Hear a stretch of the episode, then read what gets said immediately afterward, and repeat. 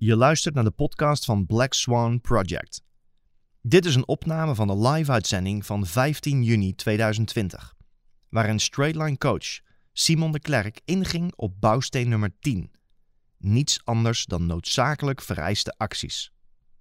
Waarin hij onder andere spreekt over wat er voor nodig is om echt de resultaten te halen die je wil. Het Black Swan Project is bedoeld om alle ondernemers toegang te geven tot exclusieve content van Straightline Leadership. Zo ondersteunen we ondernemend Nederland en België in turbulente tijden met direct toepasbare tools. Goed dat je de tijd neemt deze aflevering te luisteren op Spotify. Tijdens de live-uitzendingen is er voor nog meer waarde de mogelijkheid om vragen te stellen en live interactie te hebben met de coaches. Bovendien publiceren we het tweede bijzonder krachtige deel van de uitzendingen niet op Spotify. Meld je kosteloos aan via www.blackswanproject.eu.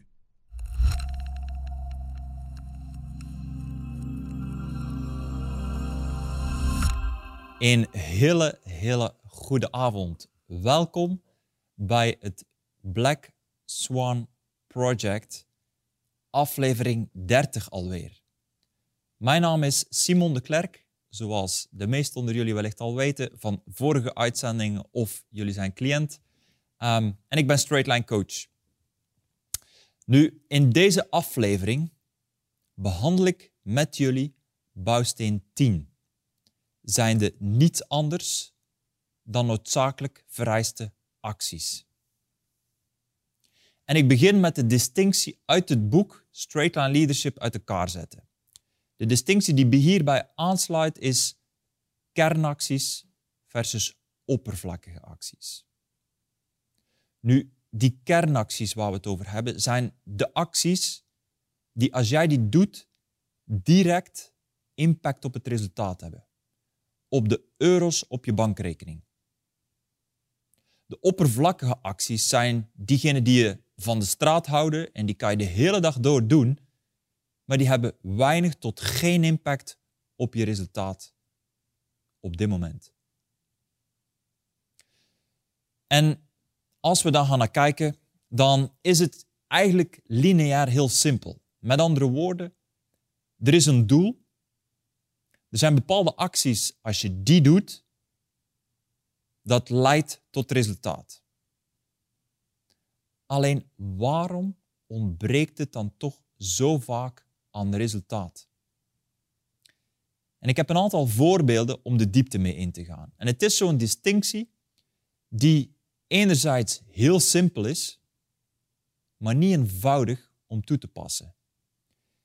Want het is nou eenmaal niet dat alles stil, dat er geen omgeving is, dat er geen invloeden van buitenaf zijn, en waar jij beslist, ik ga A, B en C doen, en dat alles exact loopt zoals jij gepland hebt.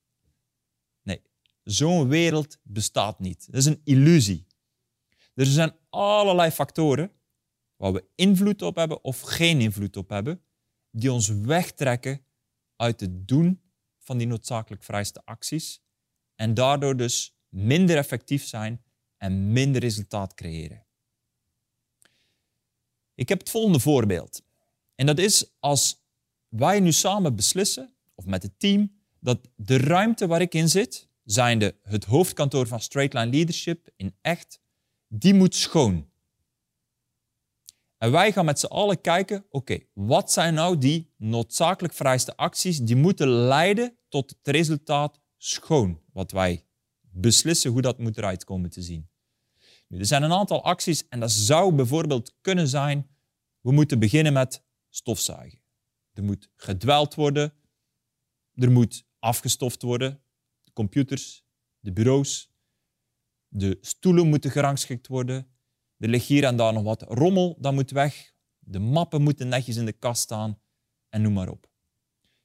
Als wij dan al die noodzakelijk vereiste acties doen, dan is er maar één mogelijk resultaat en dat is dat die ruimte schoon is. Simpel eenvoudig en logisch. Kom zo op het voorbeeld nog terug. Maar een ander voorbeeld is iemand die ik ken in mijn directe omgeving en zij is diëtiste. Dus zij heeft cliënten die bij haar komen omwille van, vaak is het toch, ze willen een paar kilo kwijt. Ze merken, ja, ik voel me niet meer fit, ik wil een paar kilo kwijt, ik moet wat gezonder worden. En wat ze doet is enerzijds, ze spreekt een dieetplan af. Dus wat mag je eten, wanneer en in welke hoeveelheden. En daarna spreken ze ook een plan af voor lichamelijke beweging. Sport, zou je ook kunnen zeggen. Nu, ze zegt, die distinctie waar jullie het over hebben, hè, noodzakelijk vrijste acties, ze zegt, dat is zo duidelijk bij mij, dat als iemand die acties doet, ja, dan werkt mijn schema, zeg maar. Dus ze zegt, als iemand dan bij mij komt, en dan komen ze na een aantal weken terug op een soort controle om eens te kijken, oké, waar sta je? Wat is het resultaat? Zijn we on track? Zijn we off track? En ze als zo'n persoon, die komt bij mij en die zegt, nou, ik heb me echt, echt goed aan het schema gehouden. Goh, ik heb uh, goed gegeten, exact wat je zei. Ik heb fit, ik heb gesport, zeg maar, was pittig. En die persoon gaat vervolgens op die weegschaal staan. En er is één kilo bijgekomen in plaats van afgegaan. Ze zegt, nou weet ik één ding, en ik hoef niet eens over te twijfelen, nou weet ik dat die liegt. In business exact hetzelfde. Als jij een medewerker hebt die zegt, ik heb alles gedaan, maar het resultaat is er niet. En er komen een hoop redenen en excuses, dan weet je dat die liegt. Want had hij de noodzakelijk vrijste acties gedaan, allemaal, volgens afspraak, dan was er resultaat.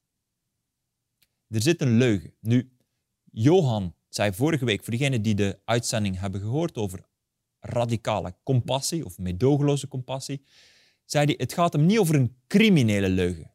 Want dat is een leugen die je zou kunnen liegen om fiscaal bedrog te plegen bijvoorbeeld, of liegen om een overtreding te begaan. Maar hier gaat het over een leugen om er goed uit te zien. Ze zegt, ik weet dat die persoon liegt. In business exact hetzelfde. Als iemand zegt, ik heb gedaan wat nodig is, maar er is geen resultaat, dan weet je dat hij liegt. Terug naar het voorbeeld van de ruimte schoonmaken. Maar hoe ziet dat er dan in de praktijk uit, hè? in business? Het zou kunnen zijn dat jij voor zeg maar, voorgenomen hebt om hier om 9 uur te starten met die acties om de ruimte schoon te maken. Nu, onderweg hier naartoe krijg je een telefoontje van een collega die belt. Hey uh, Simon, ik wil je even iets vragen. Heb je even vijf minuten? Kom je even langs? Is goed, prima. Ik, uh, ik sta zo bij je. Nou, voor je het weet, ben je een half uur verder. Ondertussen krijg je nog een belletje. Hey, uh, ik heb een snelle vraag. Kun je me heel even helpen? Ook daar word je weer gestoord. Je komt hier aan en je begint met uh, stofzuigen. Laten we zeggen dat dat de eerste actie is. Ondertussen is het al 10 uur 30, 11 uur geworden. En je bent aan het rondlopen en je ziet, goh, die muren die zijn ook smerig. Ga ik ook even snel een, uh, een doekje overhalen om die weer netjes te maken. En nu ik bezig ben, die plafonds hangen allemaal spinnenwebben aan. Laat ik dat gelijk ook maar even doen. En ondertussen is het koffiepauze, lunch, ga even eten. Laat ik snel mijn e-mail even checken. Voor je het weet ben je een uur verder met je e-mails. En zo gaat het door tot eind van de dag. En uiteindelijk wat je voor hebt genomen om te doen, is ongeveer de helft gedaan en de andere helft niet gedaan. De redenen en excuses, ik werd gestoord, ik had een dringende e-mail, ik moest de collega helpen, alles komt vervolgens op de proppen. Dus met andere woorden, je hebt je noodzakelijk vrijste acties niet gedaan. Dat is hoe het in het leven gebeurt. De hele dag door gebeurt er van alles en dan laat je ertussen komen. Een noodgeval is een noodgeval. Hey, context is bepalend. Ik snap absoluut dat er zaken zijn die cruciaal zijn, noodzakelijk, waar je direct op handelt. Maar in de kern is dat maar sporadisch en niet continu, want dan heb je iets anders te tackelen dat zou een aanhoudend probleem kunnen zijn. Nu, dat gezegd zijnde. Ik wil nog even het onderscheid maken. Iets wat ik heel vaak in gesprek gebruik en tegenkom, is het onderscheid tussen een ondernemer doe-het-zelver en een ondernemer-leider. Als je gaat kijken, vaak begint iemand dan een business vanuit een, iets, een passie wat hij fantastisch vindt om te doen, ook goed in is, of een bepaalde expertise vanuit een opleiding. En die begint, en in het begin moet je alles zelf doen, want er is weinig geld beschikbaar. Dus je doet zowel inkoop, verkoop, boekhouding, social media, administratie, noem maar op. Alles moet je managen. Nou, op een gegeven moment komt er geld binnen en uiteindelijk neem je een eerste medewerker aan, begint te groeien en uiteindelijk groeit het soms heel snel. Maar wat er in de kern gebeurt, is dat je vaak vasthoudt aan al die oppervlakkige activiteiten. Dus je bent de doe het zelf bij wijze van en je blijft dat veel te lang vasthouden. Kijk maar eens naar een ondernemer die het goed doet, die goed zijn boterham verdient, die zijn zaken op orde heeft, die rust en overzicht heeft, die grip op de situatie heeft, die vaak ook thuis de gezinssituatie is geregeld, die is ook fit. Door de band is dat een ondernemer die eigenlijk zo weinig mogelijk zelf operationeel bezig is, maar vooral gefocust is op het aansturen van het team, het managen van afspraken en vooral met strategische business development bezig is. De worstelende ondernemer, in mijn ervaring, is diegene, daar is nooit geld, die is altijd druk, die is altijd brandjes aan het blussen, er is altijd een hoop stress. Thuis loopt het vaak ook niet op rolletjes. Zijn gezondheid laat de wensen over en die is de hele dag door actief. Niet productief, maar actief. Hij is acties aan het doen. Being busy. Wil niet zeggen dat die ondernemer niet heel gedreven is. Die kan misschien wel 20 uur per dag werken, echt heel graag met een hart voor de zaak het willen, maar op een of andere manier slaagt hij er niet in om uit die cirkel te komen en te stoppen met achter de feiten aan te lopen. Hoe komt dat? Daar ga ik verder op in. Ik had vorige week had ik een sit-down. Dat was met een ondernemer waarbij ik drie uur hier op kantoor in Echt uh, de diepte ingegaan ben. En dat was eigenlijk een ondernemer die het best wel goed had gedaan, zou je kunnen zeggen. Die had in een jaar of drie tijd had hij een business uit de grond gestampt vanaf nul met 15 medewerkers en 15 miljoen euro omzet. De meesten zouden zeggen, chapeau, goed gewerkt. Aan de andere kant van de medaille had hij maar 250.000 euro winst. Pakweg, afgerond, anderhalf procent. Nu, laag, zou je zeker kunnen zeggen. Um, het probleem was namelijk dat die 150.000 euro niet op de rekening staat, maar je weet hoe dat is, dat is boekhoudkundige winst. Wil zeggen, die wordt rondgepompt in het bedrijf, die staat niet zomaar op die rekening. Met andere woorden, er was altijd stress omwille van cashflow. Handelsbedrijf, er wordt heel veel betaald, heel veel ontvangen, grote bedragen, weinig marge. Aan de andere kant dus van het succes was dat dus één, grote uitdaging. Wat bracht hij met zich mee? Hij piekerde heel veel, maakte zich zorgen, had stress, sliep heel slecht. Zat in de auto, viel in slaap. Kort lontje. De tijd dat hij thuis was, was al heel beperkt. En als hij thuis was, dan was het eerder van laat me maar met rust. Ik heb het al druk genoeg. Kon niks hebben kon absoluut niet van waarde zijn voor zijn gezin. En die zat volledig tot over de top in het werk. Tegen mij zei hij letterlijk: Simon, ik ben op. Ik ben echt op. Ik ben kapot. Ik weet niet hoe het komt. Ik werk keihard. En op een of andere manier, dit moet stoppen. Er moet iets veranderen. Ik zie alleen niet hoe ik het moet aanpakken, wat ik moet doen. Maar dat er iets moet veranderen, dat is een feit. Van daaruit zijn we vooral in eerste instantie eens gaan kijken naar, maar wat doe je nou de hele dag door? Ga nu eens een half uur zitten en schrijf nu eens op wat jij de afgelopen week zo allemaal hebt gedaan. Waar ben je nu zo druk mee? Een hele simpele opdracht, maar die door het uit te werken je met je neus op de feiten drukt en een aantal zingen inzichtelijk maakt. Met andere woorden, wat we achterkwamen is dat 80% van al die activiteiten waar die zo druk mee was, ooit kernactiviteiten waren, toen die opgestart was, en misschien het eerste jaar nog, maar ondertussen al lang oppervlakkige activiteiten waren. En ik breng hier eventjes een artikel bij op uh, thrive.eu. En dat gaat namelijk over Martin Laurijs. En ik heb begrepen, Martin, dat je ook online bent, dus welkom. Dit gaat even over jou. Ik gebruik jou als voorbeeld. Dank je wel daarvoor alvast. Maar er is een artikel um, over Martin. Een boekhoudkantoor, 35 mensen. En het artikel, ik ga even de titel erbij nemen, zodat ik geen fouten maak, is Als wij daar niet aan bijdragen, wie dan wel? En ik ga een stukje van wat Martin zegt herhalen. En daar staat namelijk, hij zegt, mijn kernacties veranderden op drastische wijze. Maar het gebeurt continu. Wat ik een paar maanden geleden nog als kernacties zag, kan ik nu alweer bijna tot mijn oppervlakkige acties rekenen. En daar slaat hij de nagel op zijn kop.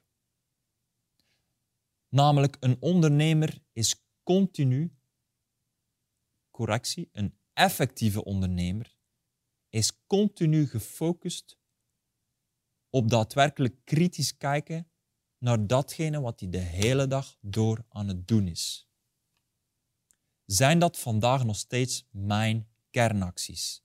Zijn dat nog steeds de acties die ik in deze fase van mijn bedrijf vandaag moet doen om het meeste impact op mijn bedrijf te maken? En die shiften, die veranderen. Soms wekelijks, soms maandelijks, maar die veranderen. En wat ik vaak zie, is dat een ondernemer bepaalde acties gewoon al jaren doet en blijft doen. Acties die hij al lang niet meer zou moeten doen. Hij weet het donders goed dat het eigenlijk niet iets is wat hij zou moeten doen en toch doet hij het. Toch blijft hij die acties herhalen. Zolang je dat blijft doen en je blijft wie je was, je blijft doen wat je deed, dan blijf je hetzelfde resultaat creëren. Dus wat Martin hier heel goed beschrijft, is dat een ondernemer-leider bereid is om zijn acties te shiften en continu gefocust is op doen van noodzakelijk vereiste kernacties. Doe je dat niet, dan kom je net als die ondernemer waar ik het net over had, die van 15 miljoen, die zei: Dit moet stoppen, dit kan niet meer. Dan kom je tegen dat plafond aan. Een plafond waar je continu tegenaan beukt. En je komt niet verder. Want het kost je rentabiliteit, het kost je omzet, het kost je levenskwaliteit omdat je op bent, gefrustreerd. Je kunt nooit opwerken tegen de hoeveelheid werk. Je mag nog 100 uur in een dag hebben, dat werk kun je nooit afwerken. Dus meer werken is nooit de oplossing. Nou, bijna nooit. Er zijn mensen die met een aantal uren meer werk meer resultaat zouden kunnen creëren. Maar door de band is het bij een ondernemer niet zozeer om meer uren te werken, maar om de juiste dingen te doen terwijl je bezig bent. Het klinkt simpel, het klinkt logisch, het is niks nieuws en toch zijn we bezig met oppervlakkige acties. Ik heb deze week vijf, zes goede gesprekken gehad met ondernemers. Er zat een ondernemer bij die deed rond de 2 miljoen met 30 medewerkers. Er zat een ondernemer bij die deed 3 miljoen met 8 medewerkers. Er zat een ondernemer bij die doet 40 miljoen met 120 medewerkers. En er zat een ondernemer bij die doet 100, uh, 100 miljoen met 400 medewerkers. Heel verschillende omvang van bedrijven. Bijna van starter tot gevestigde waarde in een bepaalde industrie, marktleider. Allemaal hadden ze één voor één dezelfde uitdaging. Weten dat ze meer zouden moeten focussen op doen wat nodig is en dingen loslaten en toch blijven vasthouden aan onwerkbare operationele acties. Dus het is voor iedereen van toepassing, van starter tot groot bedrijf. Hoe meer noodzakelijk vereiste acties je als leider doet, en dus afstand doet van oppervlakkige acties, hoe meer resultaat je krijgt. Hoe meer rendement, hoe meer rendement je krijgt. Hoe meer je groeit. Zo'n kernactie, hoe ziet dat er dan vaak uit? Dat is voor iedereen anders. Maar vaak komt het toch in de richting van coachen en aansturen van het team, communiceren met mijn team, afspraken afdwingen, afspraken op basis van strategic development, dus met een bank misschien, met strategische partners. Alles met groei te maken. Maar waar zijn we vaak mee bezig? De waan van de dag, de brandjes, de urgenties, de dingen die we zogezegd moeten doen, die moeten vooruit bewegen, maar die geen impact op het resultaat maken. Dushan die zegt tegen mij wel eens, Simon, people are lazy. They are lazy out of the fear to be uncomfortable. Wat bedoelt hij daarmee? Mensen zijn lui. Ze zijn lui vanuit de angst om oncomfortabel te zijn. De angst die uiteindelijk gedreven wordt door de interne werelddialoog, die leidt tot uitstelgedrag en passiviteit, oftewel inactiviteit op de kernacties. Ze zijn misschien wel twintig uur op een dag bezig, druk, tot over en oren in het werk, en toch zijn ze lazy omdat ze niet bereid zijn de oncomfortabele acties te confronteren en te doen. Het is namelijk zo dat blijven de vooruitgang, blijven werken, blijven operationeel bezig zijn, heel druk zijn, de comfortabele actie is. Klinkt misschien niet zo, maar dat is de comfortkeuze. De groeikeuze zou zijn: ik neem een nieuwe medewerker aan, ik investeer 5000 euro in de maand, ben gewend van 2000 euro in de maand voor een medewerker te betalen. Dat is zo'n beetje het kaliber wat ik in huis heb, maar ik beslis om nu iemand aan te nemen die wat meer body heeft waar ik wat meer kan op rekenen. Die wat meer verantwoordelijkheid kan nemen. Dat zou een, een, een, eh, een groeikeuze zijn, een oncomfortabele keuze. Een oncomfortabele keuze zou kunnen zijn: ik stop met al die oppervlakkige acties die ik er heb opgeschreven. Ik spaar 40 uur in de week van mijn 60 uur. En ik ga die besteden aan het coachen van mijn team, het spreken met mijn team. Dat voelt alsof ik niet aan het werk ben, want ik ben niet operationeel druk. Dus het voelt absoluut oncomfortabel om dat ineens tijd te steken in mijn team, alleen maar te spreken, afspraken te maken, die te managen. Maar ik beslis om dat te doen. Omdat ik weet dat ik uit die cirkel moet en ik ga mijn team krachtiger maken. Ik heb een absoluut loyaliteit op de grootheid van mijn medewerkers. Dat zou voor velen een absolute oncomfortabele actie zijn om te doen. Wat ook oncomfortabel zou zijn, een groeikeuze, wat Duchan het over heeft, is bereid zijn om mensen te confronteren. Bereid zijn om mensen te confronteren met de bullshit en de redenen en excuses. Het is veel comfortabeler om te zeggen: ja, maar ze hebben het al, ze hebben het al zo druk. Ik doe het wel even. Ja, ik snap dat het niet gelukt is het is ook echt druk. Dat is veel comfortabeler om het dan zelf te gaan doen, uitstel te geven, dan uiteindelijk afspraken te maken en mensen te confronteren met hun gedrag. Dat is een groeikeuze die voor velen absoluut een stuk effectiviteit zou teweegbrengen. Nu, wat zit er in de weg? Want dit klinkt allemaal logisch en aannemelijk. Ja, dat moet ik doen. Absoluut, ik zie dat ik dat moet doen. Maar waarom gebeurt het dan niet? Want het is niet iets nieuws wat ik tegen jullie vertel. Zoals ik daarnet al aanstipte, we hebben namelijk een interne werelddialoog.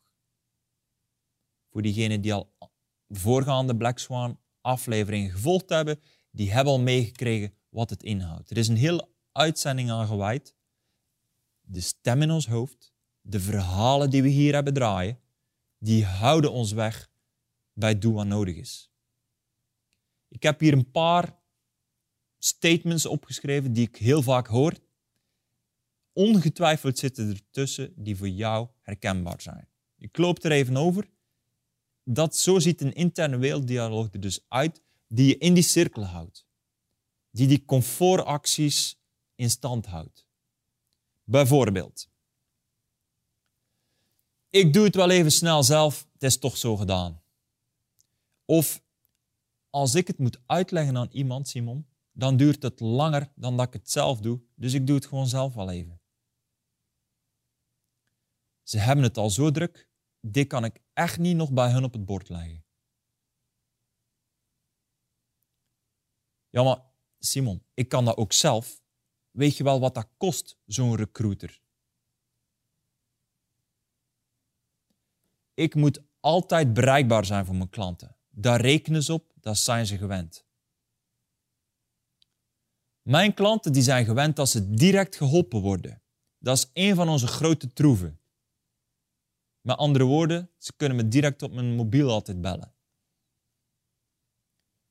Ik betaal die medewerkers toch, dus ze moeten toch gewoon doen waar ik ze voor aangenomen heb. Ik ben toch geen babysitter. Ik keer mezelf maar 3000 euro in de maand uit. Ik kan toch geen medewerker meer betalen dan dat ik zelf verdien?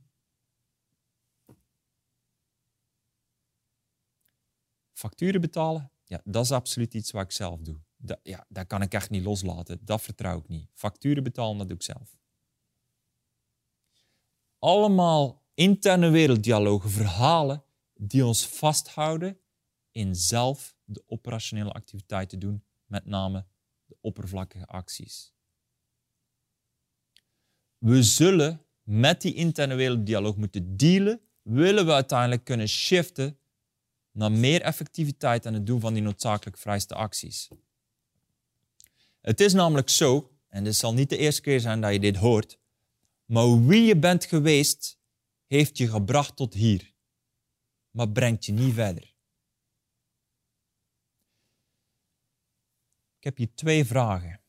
Dit is nog niet de opdracht, ik heb op het einde nog een andere opdracht. Diegene die ik met die sit-down cliënt heb doorgenomen, kom ik zo bij. Maar als je deze recording terugluistert, dan zou ik zeggen, druk zo meteen eens op pauze en ga eens echt zitten met deze twee vragen. En ga echt eens kijken. Namelijk, wie ben ik geweest in de afgelopen jaren, in de afgelopen tijd, die deze realiteit heeft gecreëerd? En er zullen een aantal punten zijn die absoluut heel wenselijk zijn, die goed zijn voor je, daar ben je tevreden over. Er zullen absoluut een aantal punten zijn die jij ziet, dit werkt niet. Hier kan ik absoluut stappen in maken. Dus wie ben je geweest in de afgelopen jaren die dit heeft gecreëerd? Welke patronen hebben dat in stand gehouden? Welke gedachten, verhalen hebben dat in stand gehouden? Ga daar echt eens voor vertragen. Ga daar echt eens brutaal, eerlijk naar kijken. Pas als je het kunt vastpakken en toegeeft aan jezelf dat bepaalde patronen je gebracht hebben tot hier, die hebben wellicht heel goed gewerkt in het verleden, maar het zijn ook die patronen die vroeger goed gewerkt hebben, die vandaag jou vasthouden in de huidige situatie.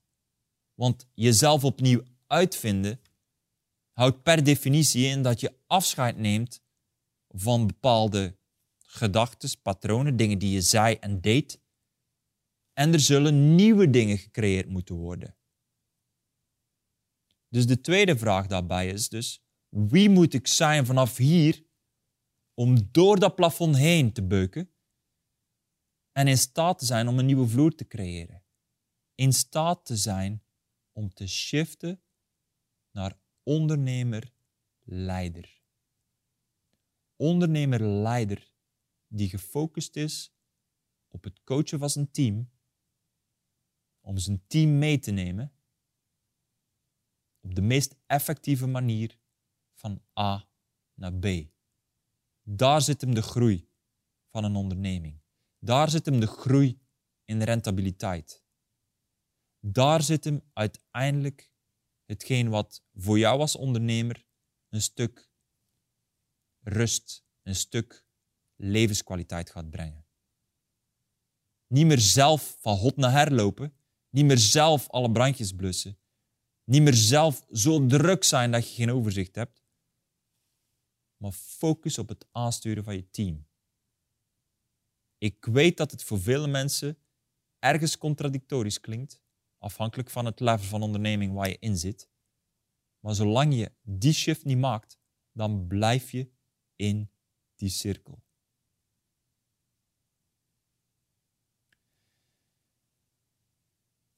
Als we dan kijken naar die inner stance waar ik het eigenlijk net over heb, hè, dus wie ben ik geweest? Wie moet ik zijn om je hier doorheen te breken? Je hebt al door, het gaat over een inner stance die gecreëerd moet worden. Een nieuwe inner stance die op het speelveld gezet moet worden. Een goede nieuwe inner stance, of een heel werkbare, krachtige inner stance, zou kunnen zijn: ik ben de meest effectieve boekhouder van heel Limburg. Ik doe niets anders dan noodzakelijk vrijste acties. Ik neem alleen winnaars aan in mijn team en ben bereid om daarvoor te betalen. En daarnaast neem ik ook afscheid van mensen die geen winnaar zijn, die reeds vandaag in mijn team zitten. En ik heb een meedogenloze compassie. Nogmaals, Johan heeft de vorige uitzending uitgebreid over gesproken. Ik heb teruggekregen dat het een fantastische uitzending was voor heel veel mensen, net als die van Christophe over aardig gevonden worden. Luister die terug als je ze niet gehoord hebt. Maar dat zou bijvoorbeeld een hele krachtige innerstand zijn. Waar je focust op noodzakelijk vrijste acties, focust op het creëren van een team van winnaars en niet minder accepteert en bereid bent daarvoor te betalen en bereid bent om afscheid te nemen van iemand die geen winnaar is. Het zou absoluut heel werkbaar kunnen zijn. Dat gezegd zijnde, dat weten, die shift, noodzakelijk vereiste acties, ik kan jullie het alleen laten zien.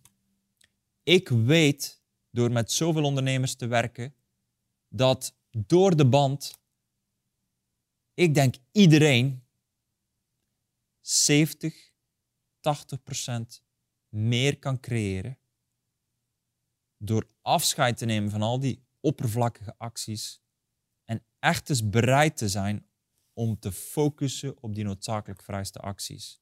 Er gaat een hele wereld voor je open als je die shift maakt. Hoe sneller je die maakt, hoe sneller je een stuk levenskwaliteit hebt, hoe meer je weet te creëren. Als afsluiting wil ik een opdracht meegeven. Het is een uitnodiging om te maken. Het is geen must, maar ik weet diegene die het werk doet, die beweegt vooruit. De opdracht die ik met die ondernemer, waar ik die sit-down mee heb gedaan, was de volgende. Maak eens een lijst van alles wat je in de afgelopen week hebt gedaan. Ga vervolgens achter elke actie schrijven: is dit een kernactie of is dit een oppervlakkige actie? Maar merk op dat we heel snel geneigd zijn om overal kernactie bij te schrijven. Dus je zult oprecht brutaal eerlijk moeten zijn naar jezelf. En echt kijken, is deze actie iets wat ik echt moet doen en die impact op mijn resultaat maakt? Zo niet, dan is het een oppervlakkige actie. Ik vraag nog niet dat je ziet hoe je die vervolgens gaat uitvoeren of hoe dat moet opgelost worden. Ik wil alleen dat je die categorisatie maakt, dat je dus indeling maakt. Oppervlakkig, kernactie. Nu, als je dat gedaan hebt, dan gaan we naar het tweede deel van de opdracht en dat is do, drop, delegate. Met andere woorden, je gaat beslissen bij elke actie die je in de afgelopen week hebt gedaan, is dat iets wat ik moet doen? Is dat iets wat ik moet stoppen? Wat vaak ook een heel aantal punten is. Ik moet stoppen met iets te doen. Of is het iets wat ik moet delegeren? Intern, extern. Do, drop, delegate. Nu gebeurt het wel eens dat iemand zegt: Ja, ik weet, het is een oppervlakkige actie, maar ah, er is niet iemand aan wie ik het kan delegeren. Dus ik moet het wel zelf doen. Absoluut. Die situatie kan zeker voorkomen. Afhankelijk nogmaals van de grootte van je bedrijf. Heb je een groter bedrijf, zou ik zeggen, direct aanpakken en zorgen dat je het uit kan besteden. Zorgen dat er iemand opgeleid wordt, stand te peden, of dat er iemand bij betrokken wordt, zodat het kan loslaten. En dat ga je vervolgens managen. Heb je een kleiner bedrijf waar nu niet de mogelijkheid op dit moment vandaag is om het te delegeren, misschien ook niet budget om het uit te besteden, fijn, dan zul je nog altijd die oppervlakkige actie moeten doen, want sommige dingen moeten nou eenmaal wel gebeuren. Nou, de eerste opmerking zou zijn, doe het dan buiten operationele productieve kantooruren. Doe het dan in de avond of in het weekend of op tijdstippen die anders niet echt eh, waar je niet echt op kunt creëren. Maar daarnaast start je gelijktijdig iets op, een traject, om ervoor te zorgen dat binnen afzienbare tijd die oppervlakkige actie niet meer door jou gedaan moet worden. Het kan zijn dat je een traject start om een medewerker erbij te betrekken, iemand opleiden. Dat kan zijn dat je iets van automatisering gaat uh, uh, opzetten. Maar dat is waar het om gaat. Als het vandaag niet kan, ga dan niet, ja, het kan niet en ga weer doorbewegen en blijven doen. Nee, begin daarnaast gelijktijdig ook een traject om ervoor te zorgen dat je binnen een aantal weken, een maand, zes maanden, wat er voor nodig is, het alsnog kunt loslaten. Die opdracht daadwerkelijk echt goed uitvoeren, echt de diepte mee ingaan, zal je ontzettend veel brengen. Nogmaals, het geldt voor een ondernemer die klein is, 500.000, een miljoen euro omzet doet, maar ook voor ondernemers die tientallen miljoenen euro omzet doen. Blijven focussen op die noodzakelijk vrijste acties is datgene wat jij als ondernemer moet doen. Daarmee komen we aan het einde van podcast-uitzending 30 van Black Swan Project. Is Black Swan Project waardevol voor je en wil je toegang tot het gehele product, waaronder krachtige artikelen, Straightline Reminders, het Straightline boek en Black Swan Project Live Coaching? Schrijf je dan kosteloos in op www.blackswanproject.eu.